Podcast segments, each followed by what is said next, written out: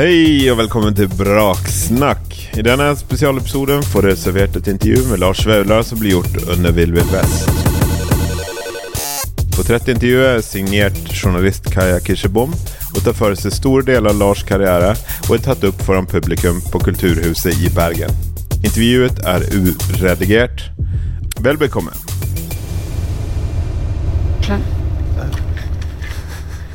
Hei. Velkommen til eh, denne samtalen med meg, Kaja Kirsebom, og Lars Vaular. Vi skal gå litt tilbake i tid, eh, til begynnelsen av karrieren til Lars, og enda litt til tilbake. Og en dag så kommer det sikkert til å komme en veldig sånn stor, feit biografi om Lars Vaular. Men eh, inntil det så skal vi få lov til å få høre litt i dag. Og mm, det vi skal høre om i denne sesjonen, er om tiden da P3 ikke ville ta i deg og bergensmiljøet med ildtang. Og hvordan du klarte å irritere på deg Bjørk.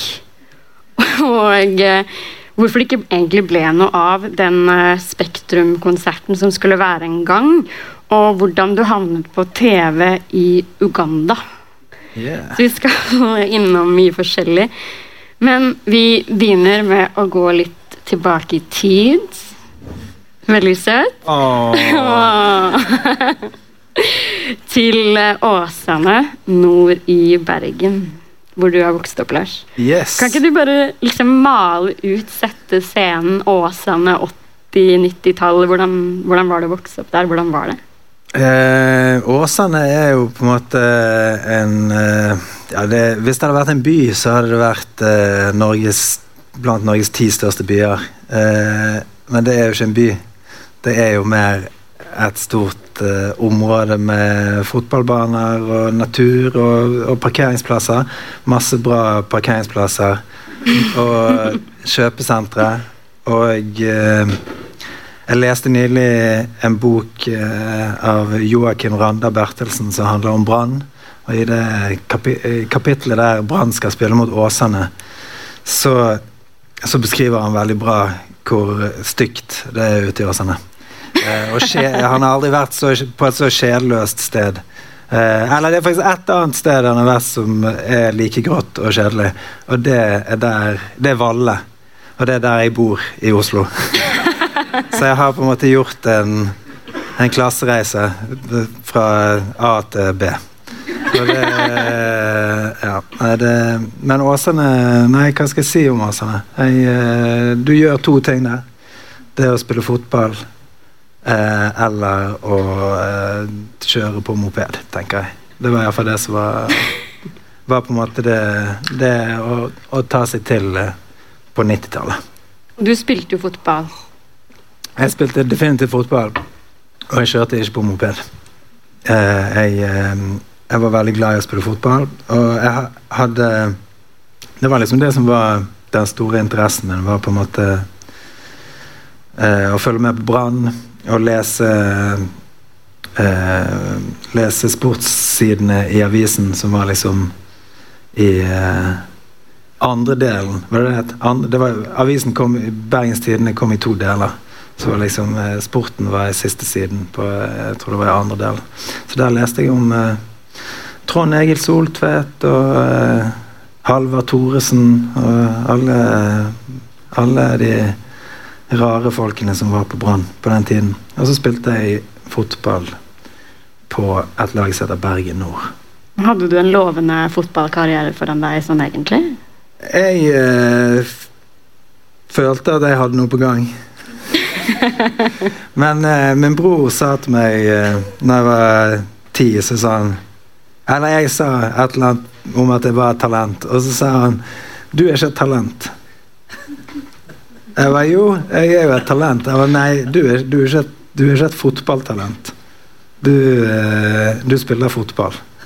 Og, og Helge Helge Skjærland, han, eh, han, er et fotballtalent. Men du er jo ikke.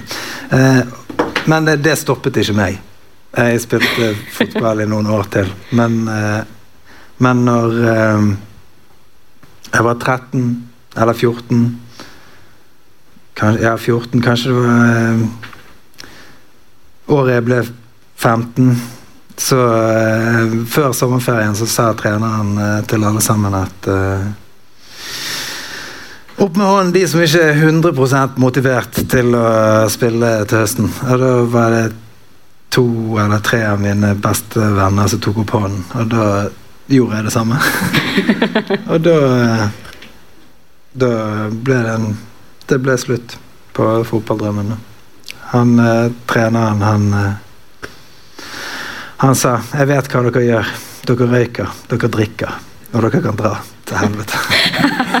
Han, sa ikke, han sa ikke det med helvete, men det var det han tenkte, og det var det jeg følte.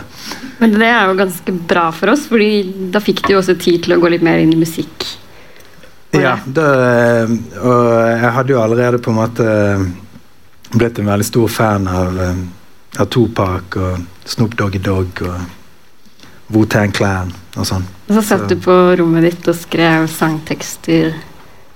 Ehm, ja, ja, kanskje jeg begynte med det rundt om, Men, men eh, skrev kanskje litt sånn her Kanskje jeg hadde skrevet en En eh, engelsk tekst eller to. Men det var mye sånn om riddere og sånn. Nei, her, her ser du. Om eh, rappere som var riddere og, og ninjaer og sånne ting. Og så gikk du på Platon for å sjekke ut musikk. En av mange platebutikker det gikk an å gå inn for å høre høre på en CD. Stå der i en time og høre gjennom hele albumet. Ikke, kjøp, ikke kjøpe. Nei, det, men du måtte jo på en måte gjøre Du må gjøre research. Du må gjøre hjemmeleksen. Kvalifisert valg. Ja. Mm. Men uh, du eh, begynte i hvert fall etter hvert da, å skrive en del tekster ja. som du samlet sammen. ja. Og så var det også um, noen konserter som du dro på. Det var uh, en på en ungdomsklubb. Eh, ja, altså På den tiden så var jo det å rappe var jo et helt sånt ukjent eh, farvann for Norge. da eh, Så det var liksom ikke så mange som rappet. Så jeg sa så klart ikke til noen at jeg hadde lyst til å bli en rapper, eller, eller at jeg hadde skrevet et vers eller noe sånt. For du måtte Ja, jeg vet ikke. Du måtte jo Du I et sånt uh, jante i, i, i, i Jante-Norge, der man ikke skal på en måte tro at du er noe, så, uh, og tro at du er en rapper Jeg forsto jo veldig klart at, at det var noe jeg ikke skulle på en måte si høyt til noen. Så jeg, eh, jeg holdt det litt for meg sjøl. Men så så var det en, eh, en kveld eh, der eh, Der jeg var og så en konsert med noen lokale rappere på på ung, et ungdomsarrangement. Et rusfritt arrangement. Der jeg og Kyrre, min, min gode venn Kyrre, som jeg òg hadde ja, vi, vi drev og leflet litt med graffiti. Vi hadde liksom malt ned både barneskolen og ungdomsskolen. Eh, og et par busstopp. Så vi følte at vi liksom eh, At vi var på gang. At vi, vi holdt på med dette hiphop-greiene. Og, eh, og Kjøre, han, eh, Moren til Kyrre kjørte oss til, eh, til ungdomskonserten. Og Kyrre hadde gjemt noe alkohol i buskene utenfor eh, Åstveit skole. Eller hvor. Åsane gymnas var det kanskje. Utenfor Åsane gymnas. Eh, og der eh, Ja, når jeg kommer inn, da, så, så var det, Der levde hiphop, da. Det var, du hadde breakdansere. Det var et sånt eh, lokalt eh, break-crew som het eh, Bodyshock. Bodyshock. Bodyshock. Og jeg kjente eh, Heine. Han var fra nabolaget. Han var med der. Eh, og eh, og så husker jeg at det var en som het Akid, som hadde så høye Buffalo-sko. Og drev og breakdanset litt, han òg. Eh, og når vi kom inn der, så var det en ekte rappkonsert med Girson og Petter Beyer, som hadde en gruppe som het The Real Deal. Og The Real Deal, de var jævlig real. Eh, de gjorde annet noe veldig provoserende på scenen. De tok en sånn lue fra streetwear-butikken Flavor. Jeg vet ikke om det er noen som husker Flavor. Men uh, Flavor uh, Flavor var Flavor hadde en eller annen tilknytning til noen folk fra Flaktveit som jeg kjente. Hussein og de. Uh, og, og de ble jævlig provosert av at Petter Beyer drev og satt fyr på denne Flavor-luen. Så det var, ja, det var, liksom Det var commotion, da. For de, de, som var på scenen, var jo kommet fra liksom Loddfjord og fra Løvstakken og, og Minde eller and, andre steder av byen. da. Så når ungdommene fra, fra Flaktveit og Toppe så, så det her, så ble det helt dårlig stemning. Og så var det en som Karim het han. Han tok opp en kniv. han tok opp en kniv og viftet med kniven. Og, og Gison sto på scenen, og han sa Du er en skam for rasen din. og jeg tenkte at dette er det mest dette er det mest underholdende greiene jeg har sett uh, på jævlig lenge. Så uh, jeg gikk derfra og, og, og var uh, Jeg var inspirert. Jeg var, jeg var, veldig inspirert. Jeg husker, jeg må holde det jævlig ekte. Det var, jeg tror at han uh, rapperen Acron Jeg tror han, han, var der, og han rappet på norsk. Og uh, dette var et veldig backhanded kompliment. Fordi at på mandagen så husker jeg, husker jeg at jeg tenkte han rappet på norsk, det var ikke så jævlig bra. Jeg tror kanskje at jeg kan gjøre det bedre. Men, uh, så, men så han det var en inspirasjon når jeg så disse lokale rapperne. Og, um, og så hadde jeg òg fått det nye albumet til Petter fra Sverige, som rappet på svensk. Og da det ble liksom tenkte jeg vet du hva, la meg prøve å skrive noen tekster på norsk. Så det var vel kanskje i 1999. I desember. Shit, det er spesifikt. Veldig spesifikt. Men etter hvert så skulle jo det miljøet også bli vennene dine. Du skulle mm. jo bli kjent med Gishon og Ja, dette var kanskje i 1998. Mm. Så ble jeg kjent med de året etter. Mm. Uh, ja. For du, du holdt jo en konsert med de litt seinere på Ny-Kronborg ungdomsskole. Min første konsert. Ja, det, det, jeg vet ikke om dette bildet er fra den.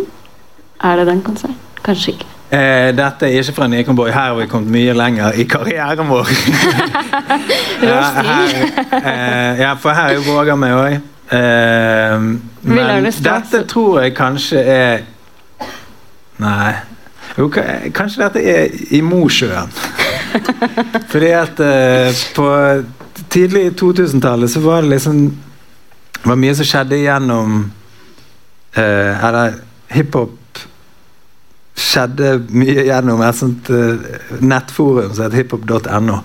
Og, uh, og sånn lokale ildsjeler rundt om i Norge de søkte sikkert om støtte til kommunen for å arrangere et uh, hiphop jam. Og så hadde du et i Grimstad, i, i Stavanger, i, i Mosjøen. I Mosjøen Motion Jam. Motion Jam i Mosjøen. Eh, jeg er ikke sikker på om det er det, men jeg husker at Vågar hadde den basketdrakten på seg i Mosjøen òg, så det kan være det. Nesten eh, som en kjole. Hæ? Den var så lang. ja, det var veldig lange klær på den tiden. Men dere begynte i hvert fall å holde konserter. Men den, den første var det den som var på Ny-Kronborg? Første konserten min var på Ny-Kronborg skole. Eh, det var Leo som ordnet, uh, ordnet uh, spillejobben. Han uh, Jeg tror ikke vi fikk betalt, men han fikk betalt. han, fikk, han, fikk, betalt i i,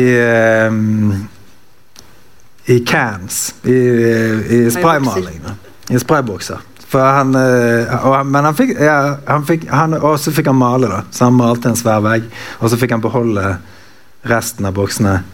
Eh, og han hadde jo òg eh, budsjettert med altfor mange bokser. Så han var jævlig fornøyd. Men vi spilte vår første eller, jeg, Det var min første konsert på Nykronborg. Men det, var, men, men det var ikke den siste konserten den sommeren. For vi spilte på Vi spilte på Hva vi spilte på eh, Hva heter det? Sånn eh, Skumparty. Jeg vet ikke om det fins ennå. Er det ennå en greie? Skumparty på verftet. Så det var litt sånne ymse, rare ting som bare dukket opp. Men hvordan, hvordan, føltes det da å, å, spille første konsert på de skumpartyene? Var det euforisk? Var det, skjønte du at du skulle drive med det her? Jeg, jeg drev med det. Jeg hadde, jeg hadde kommet i mål. måte. Jeg, jeg, var så fornøyd med at eh, Nei, nei, det var og, og, Men Ja, nei, det var jo nok, det. Jeg syns jo at det var helt uh, utrolig å oppleve. og uh, Men så var jo det det at uh, Eller ja, det var bare å komme gjennom det, da, på en måte. Og stå på scenen og, og rappe. Men da rappet jeg på engelsk. Så da skjønte jo ingen noe av hva vi sa i det hele tatt. Eh, og det I begynnelsen så syntes jeg at det var litt digg. Eh, men etter hvert så så eh, merket jo vi at hvis vi rappet på norsk, så så eh, var det mer respons og kommunikasjon med Mm. publikum. på en måte. Og samtidig så, så formes det også et miljø rundt dere. Eller det, det blir flere og flere. Det er måte deg og Gishon og Vågar og Det blir en gjeng. Ja, ja, rett og slett. Eh, og jeg tror at vi var veldig fornøyd med bare å være oss. Men jeg tror jeg var mest fornøyd. Hvorfor det? Fordi jeg, Nei, men for jeg, jeg, hadde, jeg ville jo bare være en rapper, liksom. Og så greide vi det. Og så hadde ikke det så jævlig mye å si at, at det var liksom ingen som brydde seg. Det hadde liksom ikke så Det, ja, det var ikke så viktig. Dere satte ikke noen sånne Vi hadde klærne, vi hadde looken, vi hadde pakken. Men det, det var ikke sånn ville ambisjoner. Du skulle ikke liksom ta Jo, Norge og Jo, det var ville ambisjoner, men vi var liksom, jeg visste jo at, vi, at jeg var 16 år, eller 17, eller et eller annet. Og at eh, ting, ting tar jo sikkert tid. Um, men jeg trodde jo Jeg var jo med Eller først var jeg liksom og rappet med Girson. Men så flyttet Girson til Spania. For han skulle bli eiendomsmegler. Så han dro til Spania. Han dro til Spania eh, Og da Han hadde egentlig en spillejobb på eh, en festival som eh, het eh, Fløyenfestivalen. Veldig eh, luguber eh, festival oppe på toppen av, av, av Fløyen. Der Girson hadde en spillejobb i august, men så hadde han flyttet til Spania. Så jeg og, og kompisene mine Andreo og, og Aksel vi, vi fikk liksom ta den spotten til, eh, til Girson. Og da Og da spilte vi sammen med Freakshow, som vi òg liksom kjente Ja, det var en del av samme, samme vennegjengen, egentlig. Eh, og så begynte jeg å rappe med de, egentlig. Mm. Fordi at eh, Ja. eh, Når Girson dro, så, så måtte jeg finne noen nye, noen nye å rappe med. Var, På den tiden det var fortsatt kanskje ikke så veldig sånn stuereint. eller sånn Folk var kanskje ikke så veldig opptatt av hiphop og rap. Hvordan var responsen? Eh, nei, eh, det var jo ikke så mye respons. Eh, nei, det var ingen respons. Eh, eh, men, eh, men det var jo et lite miljø av liksom på en måte, Egentlig sånn storebrødrene til alle vennene mine fra Loddefjord. For de var liksom den eldste generasjonen av, av liksom, de var liksom det, det var de som var, var hiphop, da. Visstnok. Sånn liksom DJ P, for eksempel. Og DJ P han, var, han, var, han hadde veldig strenge regler for hva hip- hiphop skulle være og ikke være. Så han eh, var, vi, vi ble jo oppfattet som sånn eh, eh, helt respektløse, unge, eh, historieløse mennesker. Hva slags regler var det Eh, nei, det var jo sånn ikke selge ut. Og, og, og for eksempel, eh, en annen som, ga, som faktisk ga respons, var Mikael Telle. Så han skjønte jo liksom at eh, Å ja, de, disse ser kule ut og høres rare ut. Liksom dette, nei, Men, men eh, han, han kjente jo noen av de Petter og liksom hadde liksom skjønt at eh, Og Leo og, og møtt gjennom forskjellige greier. Men tilbake til DJ Py. Han beskrev jo på en måte Michael Telle som en trendspion. Så, så det at uh, Michael på en måte hadde fått nyss i, i at det var noe som het freakshow, og at vi rappet osv., det, det var jo på en måte noe vi ble advart om. At eh, det var trendspioner der ute som kom for å ødelegge hiphopen innenfra. Strengt. Eh, ja, det var veldig strengt. Eh, så, men det ga jo oss veldig mye eh, Eller ja, da skjønte jo vi at vi egentlig bare kunne drite i alle regler og, og om alt. Så det var Og så kunne dere jo holde på litt uforstyrret og, og utvikle dere videre. Og vi har litt bilder fra den perioden hvor det er dere. mm. Dere ikke får så mye oppmerksomhet ennå, men hvor dere bare har det veldig gøy. Ja, du sier uforstyrret, men det ser jo litt, litt forstyrret ut, syns jeg. Men, her, ja. Så det, er Girson, og så der er DJ C Slick. Eller Christian, som han heter. Christian C Slicken han jobbet på Stress. Som Stress eh, var en veldig viktig hiphop-butikk i, i Bergen. Og eh, ja, det var veldig En stund jeg hadde jævlig lyst til å jobbe på Stress. Det var egentlig den store drømmen for meg som 14 år gammel. Så, og, dere var jo mye rundt, og du snakket om de bussturene og sånn også.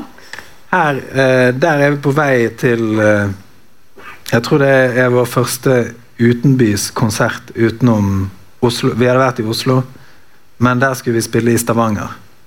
Og da fikk jeg sove eh, hos en albaner som het Anthony. Eh, og katten hans. Så, ja. Så det var liksom vi reiste rundt og overnattet hos tilfeldige folk. Ingen Og- penger i det i det hele tatt. Eh, nei. Bare glede. Masse glede. Men der er litt seinere, da. Det, eller det, dette er på en måte to, to uh, det der, Her er litt seinere, da er vi på vei til kvarten. Men her Her er vi i Oslo på en eh, En sånn hiphop-festival eh, som jeg Jeg tror dette må være hiphop-festivalen Caliente. Caliente. Der eh, ja, der eh, Jeg vet ikke hva jeg skal si. Jeg vet det riktig ikke. Ja, ja. Det ser ut som et veldig bra tidsbilde, i hvert fall. ja, ja. Dette er sikkert i 2004 eller 2005. Nei, ja, 2003 tipper jeg dette. 2003. Og etter freakshow så skulle du gå sammen med en kompis og denne Ja. tieren og Lars. Og hva var det? det, Ja, altså, var det prosjektet? eh, Tian, eh, det eh, Fernando Manuel eh, Lopez, han eh, Han var med i Freakshow. Så det som skjedde, var at vi to vi rappet på norsk. Og så fant vi ut at eh, la oss bare være oss to. Eh, det er meg og deg, baby. Uh, og, eh, og rappe på norsk. Ja. Og vi har jo en liten video fra den tiden, hvis den lar seg spille. Wow. Kjempedårlig oppløsning. Det er jo sikkert flaks, flaks for meg. Kanskje det er litt greit med dårlig oppløsning.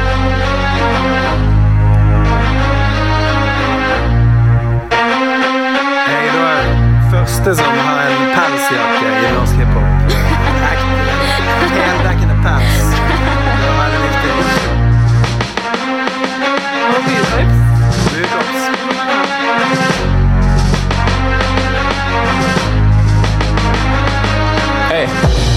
takk Gud for velferdsstaten.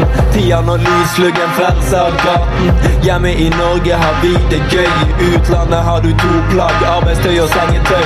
Og i fengsel blir du kvinne til du dør. Pulte hullet kollapser, du forsvinner i deg sjøl. Så er priser med lykkelig. Vinflasken går på to hjul som en sykkeltyv. Det er Lars, Bergens folkets mann, Bergens stolthet brann. Det er flammer i blikkbåsen, og jeg er gutten i røyken på midten av scenen. Hater lite grann, men får fram det han mener. Og folk vil være Tony Montana, men ligner mye mer på George Costanza. Vårt spor og vår vei er valgt. 2006, Jeg er bare to heia dag. Come on. Og hvis du føler det her, så ta henda opp. Vi driter i hva som skjer. Nå får dem opp. Hey, får dem opp. Hey, dem opp. Det smelle. Og hvis du føler det her, så ta henda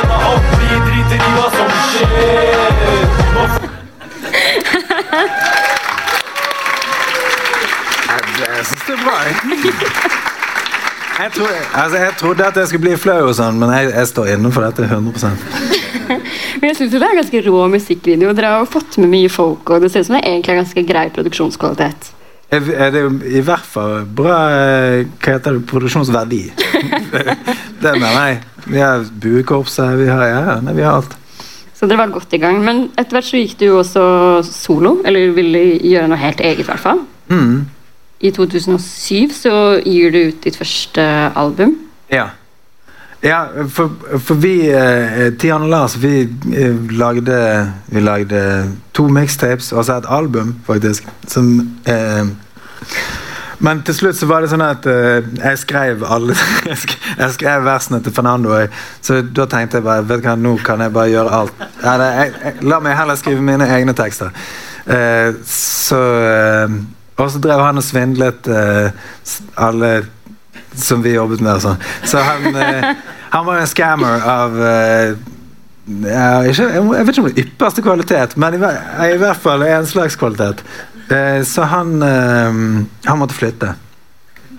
Ut av landet, liksom, i sikkerhet. Nei, jeg, først flyttet han til Oslo, men så måtte han flytte ut av landet senere. Eh, men, men nok om det. Eh, så jeg gikk solo. Da, men jeg hadde også fått Jeg hadde liksom fått en bit eh, men, Mens vi egentlig holdt på, så hadde jeg fått en bit som eh, Der samplet var 'Jeg er fra Bergen'. Eh, som da ble min første so solosang. Eh, så det var jævlig flaks at jeg fikk den biten. For den biten bruker vi på hver konsert ennå. Og folk blir gærne. Ja, det, altså, det er jo Det er jo et konsept som alle liker. Selv om de hater Bergen, Ja. så, så liker de det på en måte. Men du slipper i hvert fall debutplaten din, Lahat, Ja. i 2007. Og så får du terningkast tre i BT. Ja. Og de kaller deg et lokalt fenomen. Og jeg tror ikke at du kommer til å nå særlig lenger enn det. Ja. Ja. Og se på meg nå. Se denne. den. Regi regionalt fenomen. Ja, nei, det Men du ga deg jo ikke. Jeg ga meg ikke. Nei, for du fortsatte jo å gi ut flere album, og dere trommet sammen NMG-huset. Mm. Og, lagde Hva var det i starten? Var det liksom et kompisprosjekt, eller hvordan, hva ble det? Det er jo alle de du ser nå, eh, eh, og eh, Men òg det som skjer i løpet av, av dette, er jo det at f.eks. Jon Olav eh, Jon Olav Nielsen var jo, han var jo med i Freakshow, men han begynte å lage sin musikk. Og, og flere av andre vennene våre ble til Fjorden Baby og Nielsen og gjengen. Og, og, så det var liksom ikke bare det at jeg og, og Vågar og Store P og Girson og A-laget på en måte lagde vår rappmusikk. Det, var, det ble mer eh, kjøtt på beinet. Og Sturle i Fjorden Baby skrev helt utrolige tekster, og Jon Olav skrev helt utrolige tekster og sanger. Og, og, og det var mange ting som på en måte skjedde samtidig. Hele bergensbølgen, egentlig. Ja. Som egentlig opplevdes sånn helt euforisk fra Oslo også. For det føles jo som at uh, alt kom herfra. At nesten alt i, fra andre steder i landet kanskje ikke hadde den samme kvaliteten eller verdien. Det, bare, det var så eksplosivt. Talk that talk. Ja, ja, ja, bare si det. Si mer. Eh, ja, eh, men vi fikk Ja, jeg, jeg vet ikke. Ja, jeg bare sier ja, jeg. Ja. Men hva, hva tror du på en måte gjorde at det skjedde og bevegde seg så mye på samme tid? At det liksom, det er liksom et eget begrep for det? Bergensbølgen? Hva, hva var det som skjedde? Hvorfor gikk det så bra med dere alle sammen? Eh, jeg tror vi var jævlig bra, da. Det, jeg nei det, Altså Jeg tror at vi visste at det, var styrke i tall, på en måte. Det er jo styrke i tall. Det er jo styrke i, i, i, i en samlet uh, greie. Og, og det var Norsk språklig musikk var ikke populært på den tiden. Så det var på en måte noe Det var et hull der som vi, vi fylte, rett og slett. Mm. Og det, de andre bergensbølgene har jo på en måte handlet om andre ting, men dette var jo noe som veldig tydelig kunne liksom eh, Ja, det, var, det kunne fylle et behov, da, fordi at vi var opptatt av å fortelle historier og bruke språket vårt. Og, og rappmusikk er jo, er jo tuftet veldig mye på det.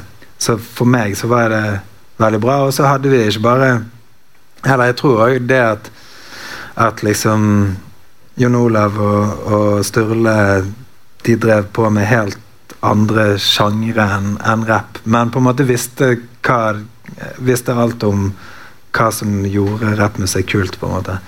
Eh, det gjorde jo at, at de, de, som liker musikken til Fjornbaby og, og til, til Nilsen og gjengen og de, de begynte å like vår musikk òg. Mm. Og så vant Brann serien. Og Du skal ikke undervurdere at Brann vant serien. Fordi da var det en sånn eh, Det var et momentum rundt Bergen i det hele tatt. Og patriotismen var på en all time high. Høy kurs. Uh, ja, var... Og så fikk dere jo plutselig plass uh, hos P3 og, og på VG-lista, og først så slipper du solbriller på, mm. men det er på en måte først med rett opp og ned det virkelig tar av sånn karrieremessig for deg. Uh, ja. Eller Ja. Hvordan Jeg hadde ikke, noe, hadde ikke noe, noe, å følge opp med. Eh, ja, eh, Men hvordan var det? Var, var, det som at noe bare brått forandret seg over natta for din del etter at den låta ble lansert? Um, Mange snakker med sånn øyeblikk, liksom, som Altså, jeg føler jo at gjennombruddet mitt tok jo år og dag.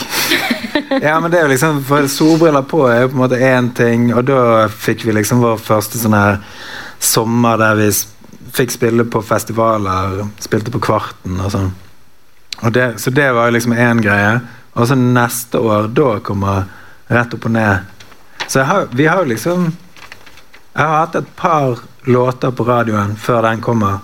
Men når jeg hadde lagd den sangen, så visste jeg at dette var så uvanlig både for meg og for hva som ble spilt. Og hver gang jeg viste den til noen før jeg ga den ut, så visste jeg at Eller jeg, jeg bare fikk et kick ut av at folk ble jævlig overrasket og, og sånn. Så jeg visste på en måte at det var i hvert fall veldig potent. Eh, og så og så tror jeg han kom helt på riktig tidspunkt. Sånn uh, med alle de andre tingene vi, vi, har nevnt, liksom. Så når det er et momentum der, så, så var det akkurat den låten til å liksom bare skubbe alt over, uh, over uh, toppen, på en måte.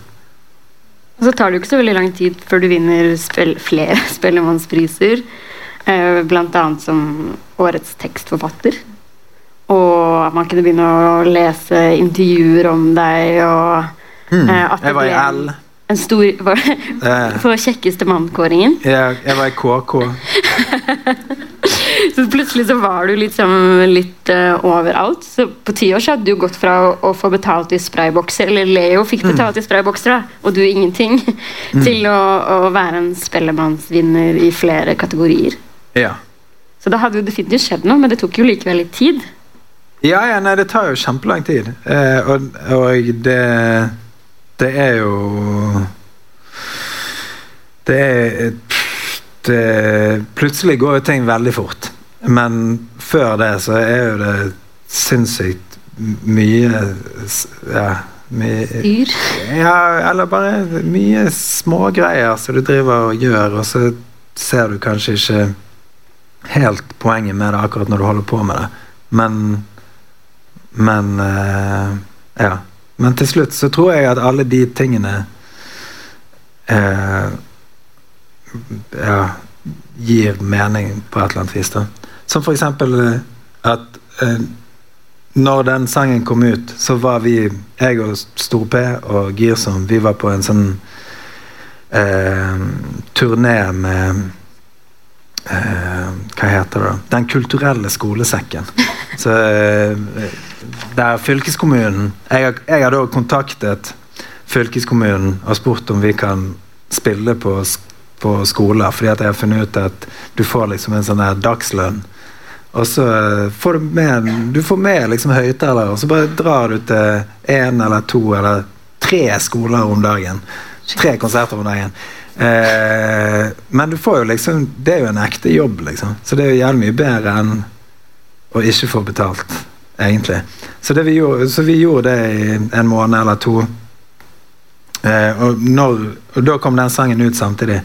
Men det at vi gjorde det, gjorde jo at vi hadde liksom Vi hadde fått gratis øving på, på alle sangene mine.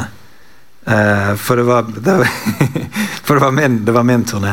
Eh, men, eh, men vi hadde liksom øvd på alle sangene mine. Så da når sangen liksom gjorde at nå, nå er det masse ting som skjer, og nå blir det masse konserter, så var jo vi allerede innøvd. Og vi hadde jo aldri øvd hvis ikke Eller liksom vi, vi er jo ikke folk som øver, på en måte, men vi gjør ting. Så vi hadde gjort det. Men å stå opp eh, klokken syv for å spille på en barneskole på Radøy og bli beskyldt for å være narkoman fordi at fordi at du har vært litt lenge oppe kvelden før. Det, det er jo sånne ting du må gjøre for å da, eh, kunne være godt forberedt til en festivalsommer som kommer. Da blir man jo veldig disiplinert. Litt. Ja, ja nei ja, ja, det er jo en slags disiplin. Eller det er iallfall uh, Hva skal jeg eh, Vilje. Eh, Vilje til å få noe til, iallfall. Og året etter, i 2012, så spiller du på Øya. Og der så klarer du å havne i en slags clinch med selveste Bjørk. Hva var det som skjedde da? Eh, nei, altså, Bjørk eh, hun eh, er, for, meg, for meg er ikke dette så veldig farlig, men for lydmannen min, Marty Ser, ser dere han sitter der? Det er en veldig traumatisk opplevelse for Marty. Marty, han, eh, dette er, Det er ikke første spillejobben hans med meg, men det er den første på den størrelsen, i hvert fall. Og så skal vi spiller eh, La oss si vi spiller halv eh, ni. Eller halv ti. Og eh, vi spiller halv ti, og Bjørk begynner kvart, kvart på ti. Kvart på ti begynner Bjørk. Og Bjørk eh, musikken hun skal spille denne gangen, den er, vel, den er veldig stille. Superstille. Så de første 20 minuttene av konserten til eh, Bjørk er helt stille. Det er bare at hun hvisker. Eh, så Øyafestivalen de skjønner Oi, helvete. Vi, det er bass Helvetes basskonsert. Det er altfor mye bass på Lars Vaular-konserten. Så de bare kutter all bassen på konserten. Yeah, they turn the subs off. På en rappkonsert. Ja, så, og, Men vi vet jo ikke dette på scenen. Vi, vi tror vi har tidenes konsert. Og, uh, det, er kanskje, det, er mye, det er ikke så mye engasjement, men ennå litt engasjement fra de som er helt foran. For de, jo, de får jo masse lyd. Men uh, resten av publikum blir jo jævlig hissig, og, og så begynner det å bli amper stemning rundt lydteltet til Marty. For der eh, der er jo det mange hooligans fra Victoria pub som, som har samlet seg. Eh, og eh, de har jo kommet for å høre jeg er fra Bergen. Og det er ingen bass.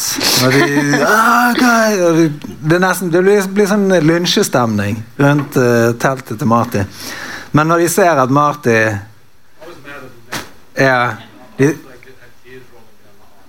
ja, ja. Han eh, med tårer i øynene skriker 'Leave me alone! It's not my fault!' Uh, ja, nei, så de tok jo all lyden vår, da. Bjørk. Eller det var jo ikke Bjørk sin feil, egentlig. Det var jo Hva heter han? Jonas? Uh, nei, hva er Jeg husker ikke hva han heter. Pressetalsmannen i Øyafestivalen. Jeg husker ikke. Eh, ja, nei, var, nei, Øyafestivalen drepte oss, da. Vi fikk, tenk, vi fikk dårlig anmeldelse i avisen, i VG. Ble, lydmannen ble slaktet! Det var elendig lyd. Ja, Og så ble det klagestorm på Twitter. Kla- ja, klagestorm. Ja. Og dere havnet til og med i Dagblad Pluss. Oi, oi, oi. Og det er ikke verst. Ja, ja. Bjørk truet med å gå og se. Ja, ja. Du virker veldig dramatisk. Oi, dette har ikke jeg fått med meg. At det var liksom Du kan sende deg saken etterpå. Ja, ja. Perfekt. Ja, ja, ok. Men så Jeg er veldig fan av Bjørk. Ja, hun er jo flott. Ja, Ja. Men så bestemmer du deg for å gjøre noe så sykt og ambisiøst som å gi ut en albumserie. Mm. Hvor du skal gi ut tre album på ett år. Ja, det var etter at jeg hadde sparket management. Eh, fordi at noe av det som skjedde i denne her eh, dette eh, på, Øya-konserten, så er det Vi kommer backstage, og vi tror jo at vi har liksom gjort en kjempebra konsert, og alle er fornøyd. High fives. Vi har Jon Olav Nesen, vi har Sondre Lerche. Vi eh, Og så eh, Og Gunnar Greve, han er òg dritfornøyd. Som var din manager. Han er, ja, han er dritfornøyd. Og Marty, han er den eneste Han er den eneste som har gått gjennom et samlivsbrudd. Altså, han er helt knust. Og han sier til meg How can this person be your manager? Han, var, han var så skuffet over at, eh, over at eh, Gunnar var fornøyd. Det var- ikke derfor det ble, ble slutt. Men jeg bestemte meg i hvert fall for å, å skulle klare meg sjøl uten management. Og så Og da må du ha Du må komme ut med brask og bram. Så hvorfor ikke lage konseptalbum? Tre forskjellige skiver i en 666. Alt gir mening, selv om det ikke gir mening i det hele tatt. Men uh, ja. Nei, det var, det var min første independent van, eh, total independent venture. Og så fikk du jo kjempegode anmeldelser overalt. Det gikk jo bra. Mange seksere. Ja, ja. Eh, Mange seksere, sier jeg. Mange seksere. Ja, ja, ja. Det- Har du? Nei, jeg vet ikke. Mange seksere.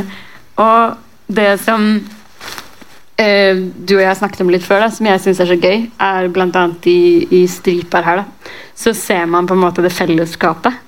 Det blir så ekstra tydelig. Jeg vet ikke om dere har sett den musikkvideoen her, men eh, den er i one take. Men det er ganske tydelig at dere har tatt ganske mange takes før Fordi jeg er så sur? For du er så jeg jævlig sur i begynnelsen og ber de om å smile og skjerpe seg litt. Um, men det, det for meg er liksom det her den, eh, Det er liksom den endelige musikkvideoen som på en måte beskriver Jeg tror kanskje det unike miljøet da som den gjengen Ja, du ser mange, mange tryner der. alle trynene er med, men dere er jo på en måte også sånne personer som på en måte driver inn og ut av hverandres prosjekter i det her fellesskapet. Mm. Og det må jo også være en veldig sånn styrke med det. da. Ja, absolutt. Eh, og at det, det var så mange som gjorde forskjellige ting òg. Og, og forskjellige stiler. Til og med er liksom eh, Ikke bare det at du har noen som drev med andre typer musikk, men sånn rappmessig så, så er jo liksom Jeg gjør litt av hvert, på en måte, men, men Stor P har helt sin egen stil, og Vågar har helt sin egen stil. Og, og eh, ja. Nei, det og, og ja. Og listen er lang, holdt jeg på å si. Og så blir dere jo på en måte hele tiden litt med på hverandres prosjekter og, Mm. og backer de også. Men så er det eh, noe du gjør også det året, eh, en annen låt, som kanskje bryter litt med det, det man har sett før. Mm. Du får jo kritikk for å klippe bollesveis. Det er det mange som henger. Radikal, radikalt valg. Og i den eh, videoen her, eh, 'Ordner seg for pappa', så danser du jo også en slags, en slags ballett. Ja, og jeg, jeg tror jo at det Altså det, For meg så er jo er det, Og spesielt nå når vi sitter og snakker om det, så, så syns jo jeg at det er nesten latterlig at det er At det var en big deal. Eller det er jo latterlig. Men, men samtidig så husker jeg liksom tilbake til ja, til, til DJP, da. Og, og de strenge reglene for hva du skal gjøre og ikke gjøre. Jeg tror at veldig tidlig så var jo det å på en måte bare finne ting som var gøy og og, eh, og, og på en måte utfordre. Det har jo alltid vært liksom veldig eh, givende for meg. Og, og på den er det liksom helt fra eh, tenårene så var jo liksom Outcast og Andre 3000 var jo liksom en sånn veldig stor inspirasjonskilde, fordi at han, han kunne gjøre ting som å, å liksom gå i kjoler eller å bare være jævlig merkelig, men poetisk og, og, og kul, liksom. Og det var bare god til å rappe, liksom. Men, eh, men så jeg tror det er noe av det jeg prøver å ta videre med meg her, da. Og så Og så Ja, jeg vet ikke. Eh, det er ja, det er jo Det var mange som syntes at dette var homseshit. Eh, Vi har det her.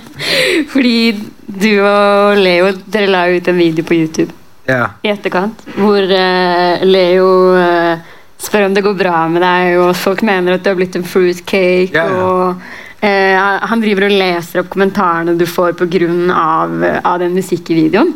Eh, og så, så merker man jo også i den videoen nå Den er jo laget av dere, og det er jo egentlig en, en humoristisk video, men er det likevel litt tension der?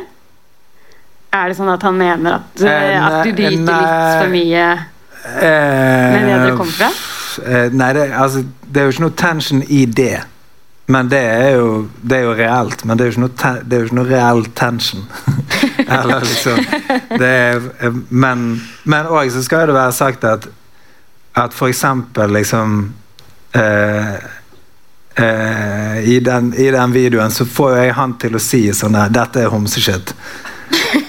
Og da er det han det er det hans Eller liksom det er, jo ikke, det er ikke han som sier det, det er jo jeg som får han til å si det. Men allikevel så vet jo vi at vi spiller på de rollene der han liksom er en sånn der eh, mannemann, og jeg er liksom en fitte. Og, og at det er og, men, men når vi legger det ut på internett, så er det sånn at at folk kanskje tenker at han faktisk er sånn. Men det er jo jeg som er sånn! Eller liksom Det er jo jeg Altså, det Ja. Det er noe dere Men det er han det, vi, vi spiller jo på en måte en rolle. eller? Det er noe dere også spiller videre på. Fordi du lagde den der mini-TV-serien på YouTube. Ja, ja. Ektemann. Ja. Som du har fortalt meg kanskje er en av dine som favorittprosjekter. Ja, ja. Som du har gjort. Og inspirert av Tone Damli, var det det? ja, det er Tone Damli. Du må Det- fortelle. Nei, for Tone, Tone Damli hadde en jævlig bra eh, sånn reality-serie om seg sjøl på VGTV. Men, så, men der er jo alt på en måte fake, men men egentlig ganske ekte. Eller, eller det er liksom Det ser jævlig fake ut, men det er ekte. Så, så vi prøvde å lage noe som ser jævlig ekte ut, men faktisk er helt fake. Eller at er regissert, da. Så det, vi prøvde på en måte å leke med eh, Med det at artister må liksom De må by på seg sjøl, og du skal komme inn på innsiden og sånn. Men jeg har jo ikke lyst Jeg har jo ikke lyst til at du skal virkelig komme inn på innsiden eh, sånn helt uten videre. Og mm, Eh, men jeg har jo ennå lyst til å på en måte få oppmerksomhet. Eller liksom Jeg har jo lyst til å liksom Jeg har jo Ja. Men jeg har ikke lyst til å Jeg har liksom lyst til å gjøre det på mine egne premisser. Så vi måtte, vi måtte lage vår egen versjon av Hjemme hos, da. Der, der det blir liksom uh, noe helt annet. Inspirert av Tone Damli. Ja, definitivt. Men jeg er veldig inspirert av Tone Damli. Jeg har et bilde av Jeg har faktisk et s- s- A3-bilde av Tone Damli innrammet eh, En plakat. Ja. Uh, Og det henger på veggen. det er ikke en plakat. Det er et ekte Altså, det er et, bild, det, det er et innrammet bilde. Som henger på veggen. Eh, eh, nå eh, står det inntil veggen.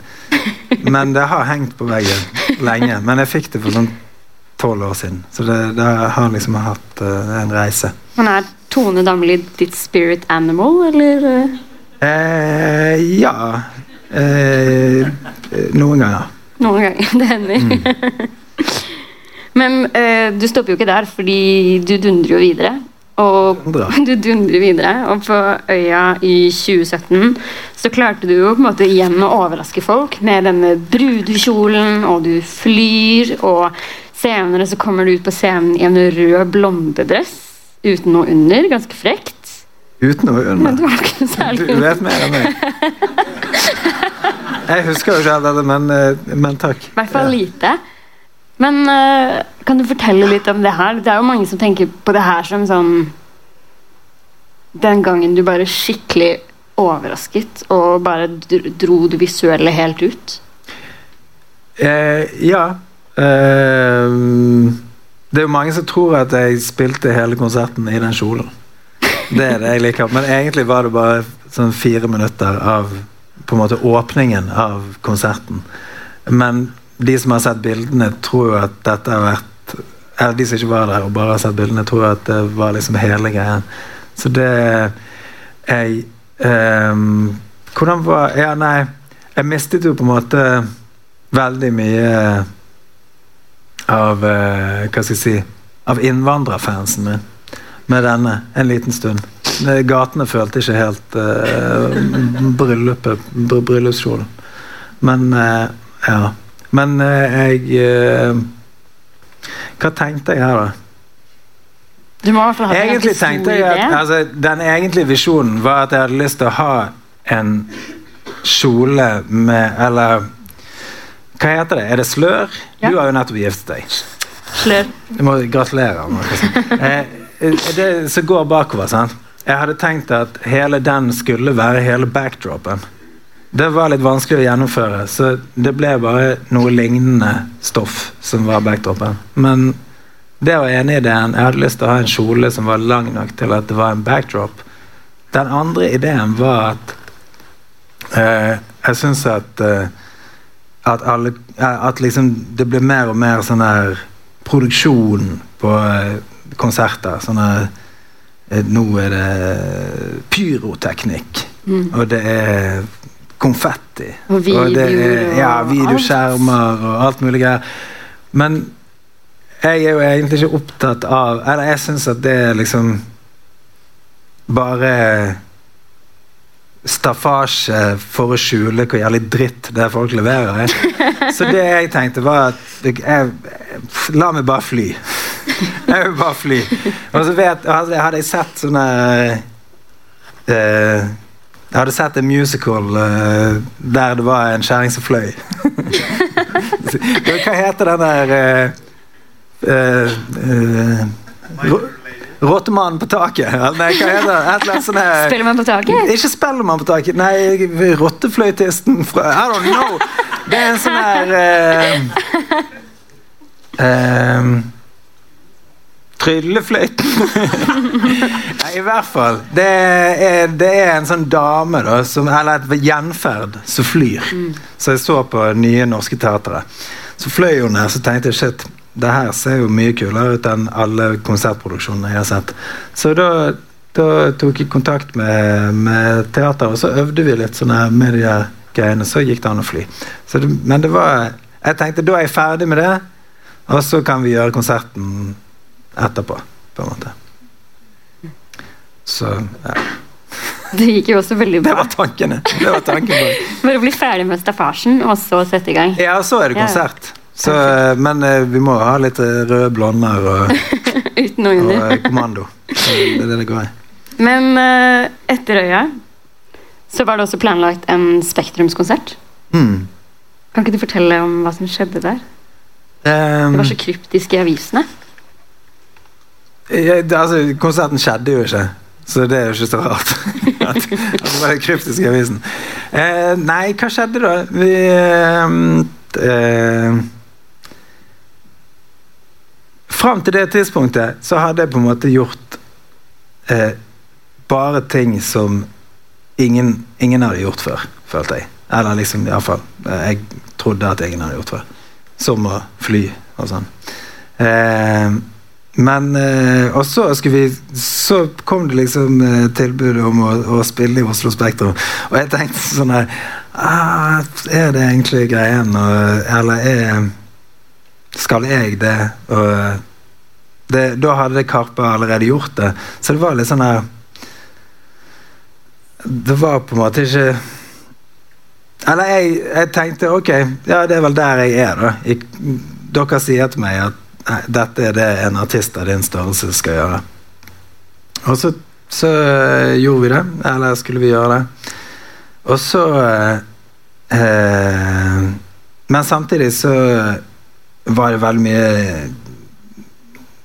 eh, Hva heter det? Veldig mye turbulens på hjemmebane. Eh, og eh, forholdet til min kone det, det ble surere og surere for, for hvert minutt. Eh, og, og, så hadde vi òg akkurat fått eh, vårt andre barn. Eh, og det var ganske stress. Så når det kom Eller så eh, når det kom til desember, og eh, vi skulle ha denne konserten i april, 24, 28. april, eh, så Så gikk det mot en skilsmisse, og så hadde jeg ingen musikk. Og så hadde jeg nettopp begynt å jobbe med Made igjen, med Mikael. Eh, og, og, så hadde jeg en, et møte med Mikael og Per Mygland. Og Per Mygland, som den eh, smarte og Hva skal jeg si Den smarte mannen han er, så sa han Skal ikke bare ta og avlyse denne konserten. Fordi at uh, dette kommer til å bli jævlig stress. Uh, og jeg hadde aldri tenkt tanken, fordi at jeg har alltid Jeg har alltid liksom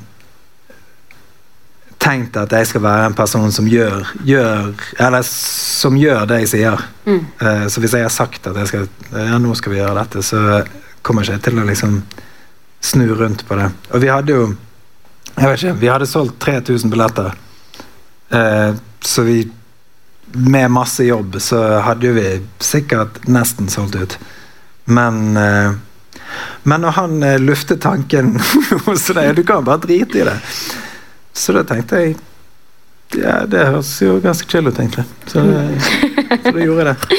En befrielse. Ja. ja. Veldig, det var veldig Og så fikk du jo litt mer tid til å jobbe med musikk, som kom seinere også. Sånn som kroppsspråk. Ja, men det tok lang tid før jeg begynte å lage den musikken. Jeg tror ikke jeg lagde musikk så mye på den, den tiden. Mm. Eller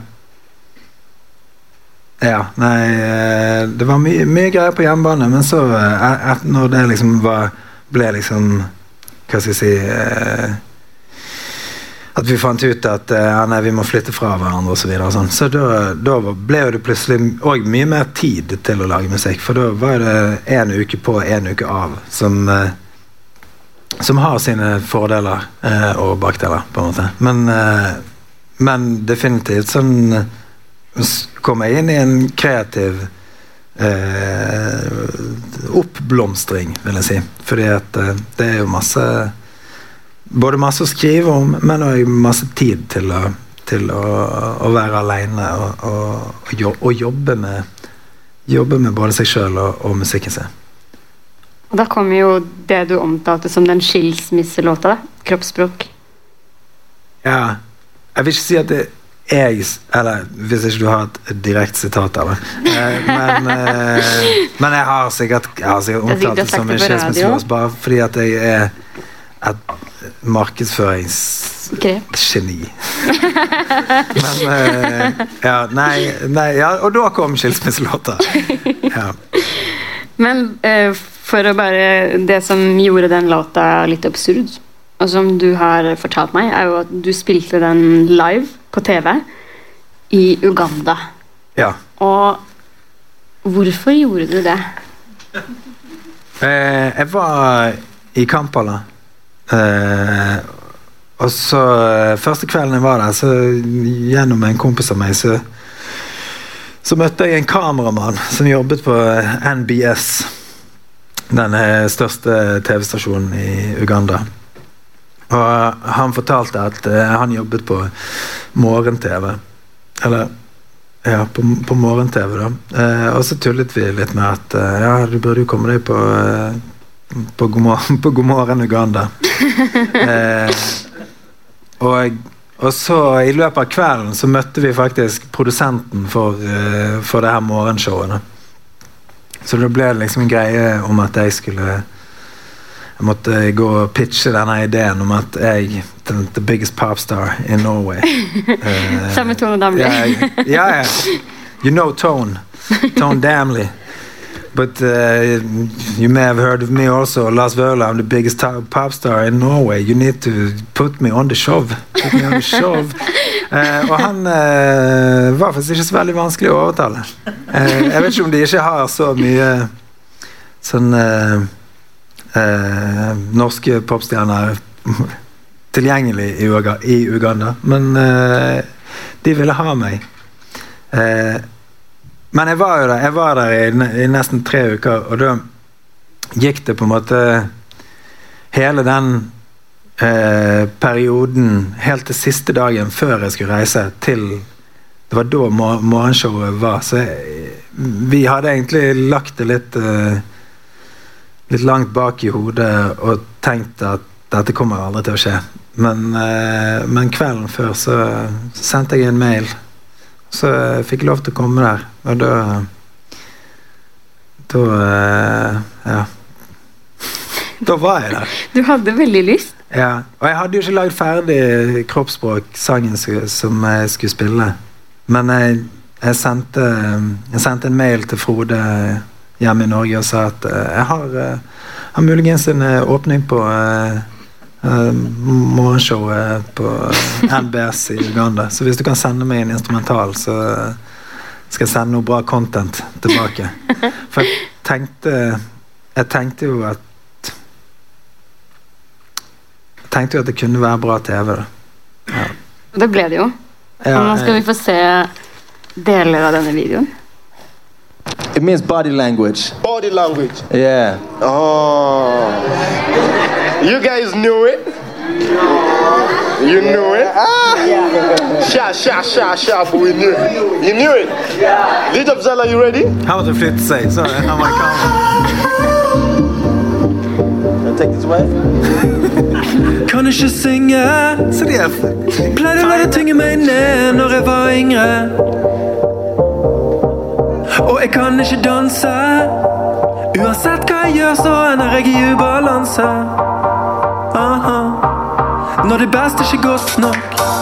Du er på punktet mange har gitt opp, sier du har fått nok. Men du må gi og ta i et forhold.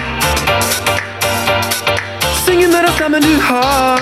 Danse som om du er gal. Du elsker ennå mitt kroppsspråk.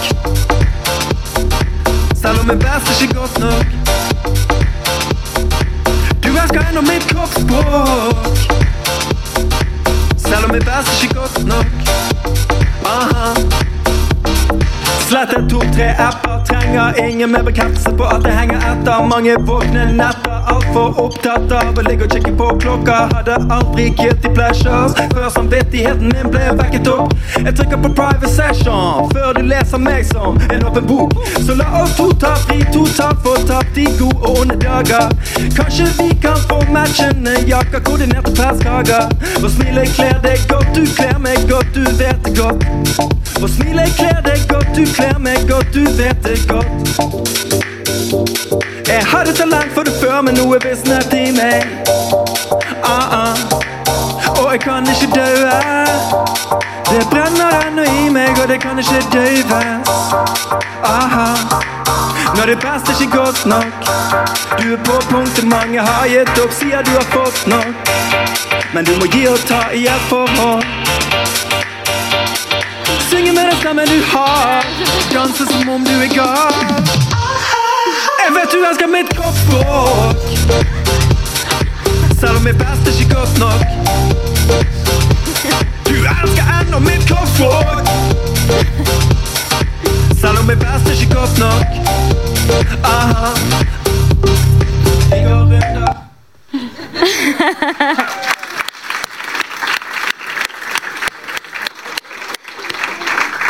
Veldig fint. Det kunne blitt musikkvideoen. Ja, jeg, er, for meg er jo dette musikkvideoen. Men jeg, det er jo Jeg syns jo det er rart at Jeg, jeg snakket med en kompis tidligere om det i dag. At jeg syns det er rart at Altså, her sender jeg dette tilbake til Sony. Og bare her, her Nå har jeg lagd en musikkvideo. Helt sjøl. Og så er det Hvorfor setter ikke de fucking millioner av marketing på denne videoen? Dette er jo Dette er, dette, dette er engagement, liksom. Altså, herregud. Det Men for meg er jo det bare et helt utrolig øyeblikk i livet mitt der jeg har liksom skrevet en sang som er veldig sånn Det er riktignok en sang, da. Eller altså det, Dette er egentlig en sang som jeg på en måte Jeg har lekt med en tekst, eh, for jeg er veldig inspirert av, eh, av en eh, Francis and the Lights. Han, han lager ofte sånne type tekster. Eh, så, men gjerne i en sånn balladeform. Så til slutt endte jeg opp med at det ble en sånn dansesang. Men da når jeg er i Uganda og skjønner at ok, jeg får Jeg er en opportunist, jeg er jo det. Så jeg får denne sjansen. Jeg lar meg ta denne dansesangen her, og så Hvis jeg kan Eller liksom for meg personlig det å ha liksom en sånn sang til eksen min, så kan jeg bare være i Uganda og synge den sangen inn i kamera. Eller liksom det er bare et eller annet Når jeg, jeg skjønner det når jeg står og ser i kamera her og bare sånn og vet at det er ingen i Norge som vet at dette skjer, eller at det, at det kommer til å skje. Eller liksom Det er bare Det er den beste Det, er det gøyeste jeg har opplevd i mitt liv. Der, der alt det, Så tiden står helt stille. Og ikke engang bare tiden, men òg tid og rom. Fordi at det er helt surrealistisk. eh, Ja. Nei, det, det Ja, det, det var gøy. Det var Men du, gøy. du endte opp med å sende den lenka her til eksen din, så hun kunne se at Nei, nei. Nei. Hun vet ikke. Eh, jo, jo, jo, hun vet jo om det, men, eh, men altså i, Dette er jo en hemmelighet. Og så kommer det ut eh, når vi på en måte legger det ut uh, seinere, liksom. Når, når sangen er lagd og spilt inn og ferdig og mikset og sånn. Men eh, Men eh, det er et eller annet med, med det å ha en eller annen visjon for noe som òg bare er helt tilfeldig. fordi det er jo ikke planlagt. Du kan ikke planlegge de greiene der, liksom. Det, men ja. Det, det, det var gøy. det var gøy. Og den videoen bare fortsetter og fortsetter, og den er jo mulig å, å Altså, finne på et jeg, har, jeg har et 45 minutter langt intervju før dette. Og det, det er det bare jeg som har. Det er det ingen som har sett. Men der er jo Der er jo Det første som skjer, er at han sier Thank you for coming. It's first time we have white man on this show, and uh, and it's so nice to see. Uh, it's uh, it's no racism, no racism. It's uh, but so you are white.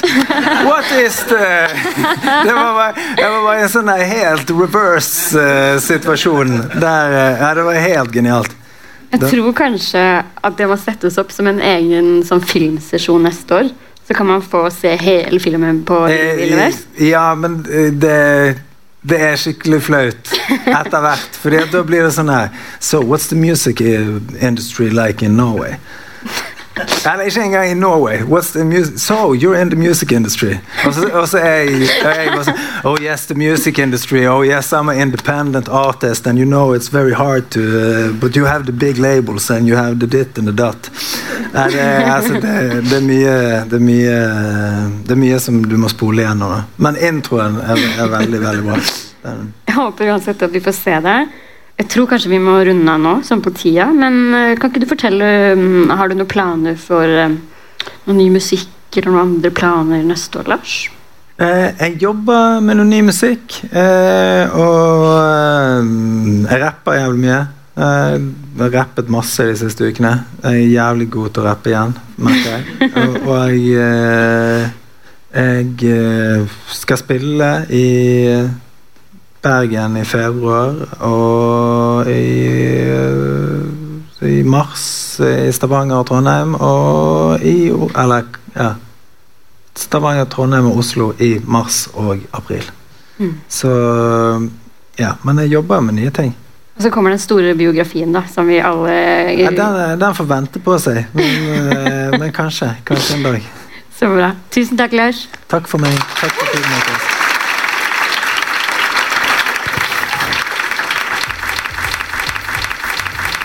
Tusen takk til Lars Vaular og Kaja Kirsebom. Dette var altså et liveopptak fra Vill Vill Vest 2023.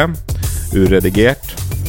Med hud og hår og musikk og applaus og smattinger og det hele. A raw take. Husk å sjekke ut tidligere episoder, og følg oss gjerne på Facebook, TikTok og Instagram. Signer opp eh, på vårt nyhetsbrev, så finner ut hva vi driver med. Eh, vi er støttet av eh, Norsk kulturråd, Vestland fylkeskommune og Bergen kommune. Den beste kommunen på jord. Det var alt vi hadde i dag. Jeg er Kristian Stokkas, deres verbale vert, og dette har vært en spesialepisode med Braksnakk.